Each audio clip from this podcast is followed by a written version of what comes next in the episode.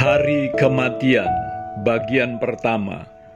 Pengkhotbah 7 ayat 1 Nama yang harum lebih baik daripada minyak yang mahal Dan hari kematian lebih baik daripada hari kelahiran. Kematian yang dimaksud di sini adalah kematian secara jasmaniah.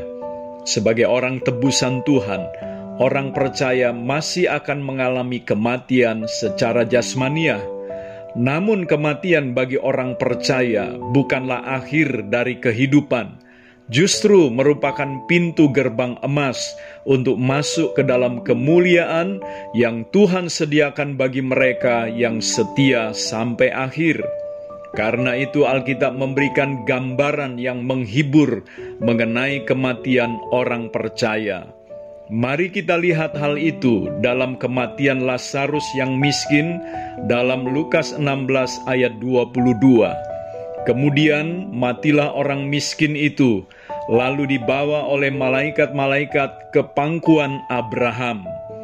Bagi saya, ini adalah salah satu ayat yang sangat menghiburkan karena keindahan kematian orang yang percaya yang digambarkan melalui sosok Lazarus yang miskin. Ia mati dalam kemiskinannya, namun Tuhan Yesus sendiri berkata, lalu dibawa oleh malaikat-malaikat ke pangkuan Abraham. Pangkuan Abraham adalah gambaran sorga, tempat di mana orang-orang percaya yang telah mati secara jasmani akan hidup dan berada di sana. Sebuah tempat di mana mereka tidak akan mengalami murka Allah yang akan datang Sebaliknya, tempat itu adalah tempat di mana mereka mendapatkan semua yang baik dan dihiburkan. Keadaan Lazarus di sana berbeda 180 derajat dari keadaannya waktu di dunia. Ia telah terlepas sama sekali dari penderitaannya. Ia dalam keadaan yang menyenangkan dan berkelimpahan. Terbukti orang kaya yang juga mati itu meminta kepada Abraham agar Lazarus mencelupkan ujung jarinya ke dalam air dan menyejukkan lidahnya karena orang kaya itu menderita kesakitan di dalam nyala api. Perkataan Bapak Abraham di dalam Lukas 16 ayat 25 meneguhkan keadaan Lazarus. Tetapi Abraham berkata, "Anak, ingatlah bahwa engkau telah menerima segala yang baik sewaktu hidupmu, sedangkan Lazarus segala yang buruk. Sekarang ia mendapat hiburan dan engkau sangat menderita. Kalimat "ia mendapat hiburan" dalam salinan Alkitab terjemahan lama ditulis secara lebih tegas. Sekarang di sini ia dihiburkan. Jelas kematian orang percaya adalah sarana untuk menghantar mereka ke tempat di mana mereka akan dihiburkan, tempat di mana mereka tidak akan menderita kesusahan lagi, karena mereka akan bersama-sama Tuhan selama-lamanya.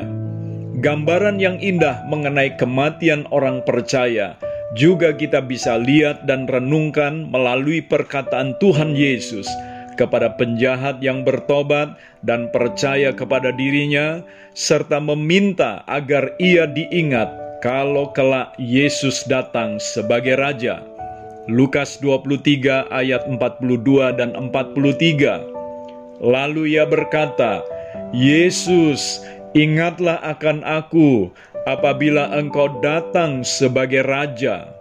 Kata Yesus kepadanya, Aku berkata kepadamu, sesungguhnya hari ini juga engkau akan ada bersama-sama dengan aku di dalam Firdaus.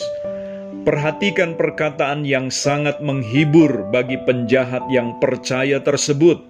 Hari ini juga engkau akan ada bersama-sama aku di dalam Firdaus. Di dalam 1 Tesalonika 4 ayat 17 dan 18, Paulus juga menuliskan kalimat penghiburan bagi mereka yang kehilangan sanak saudaranya karena meninggal dunia. Sesudah itu, kita yang hidup yang masih tinggal akan diangkat bersama-sama dengan mereka dalam awan menyongsong Tuhan di angkasa. demikianlah kita akan selama-lamanya bersama-sama dengan Tuhan. Karena itu, hiburkanlah seorang akan yang lain dengan perkataan-perkataan ini. Orang percaya harus menanggapi kematian dengan cara yang berbeda dengan orang dunia ini. Kematian sebagai akibat dosa justru telah diubah oleh Tuhan Yesus sebagai sarana untuk membawa kita kepada dirinya sendiri dan untuk mendapatkan penghiburan di dalam Dia. Karena itulah hari kematian, yakni hari kematian orang percaya, jelas lebih baik dari hari kelahirannya. Saya Theo Barahama, mari hadirkan sorga di rumah kita untuk memberkati dunia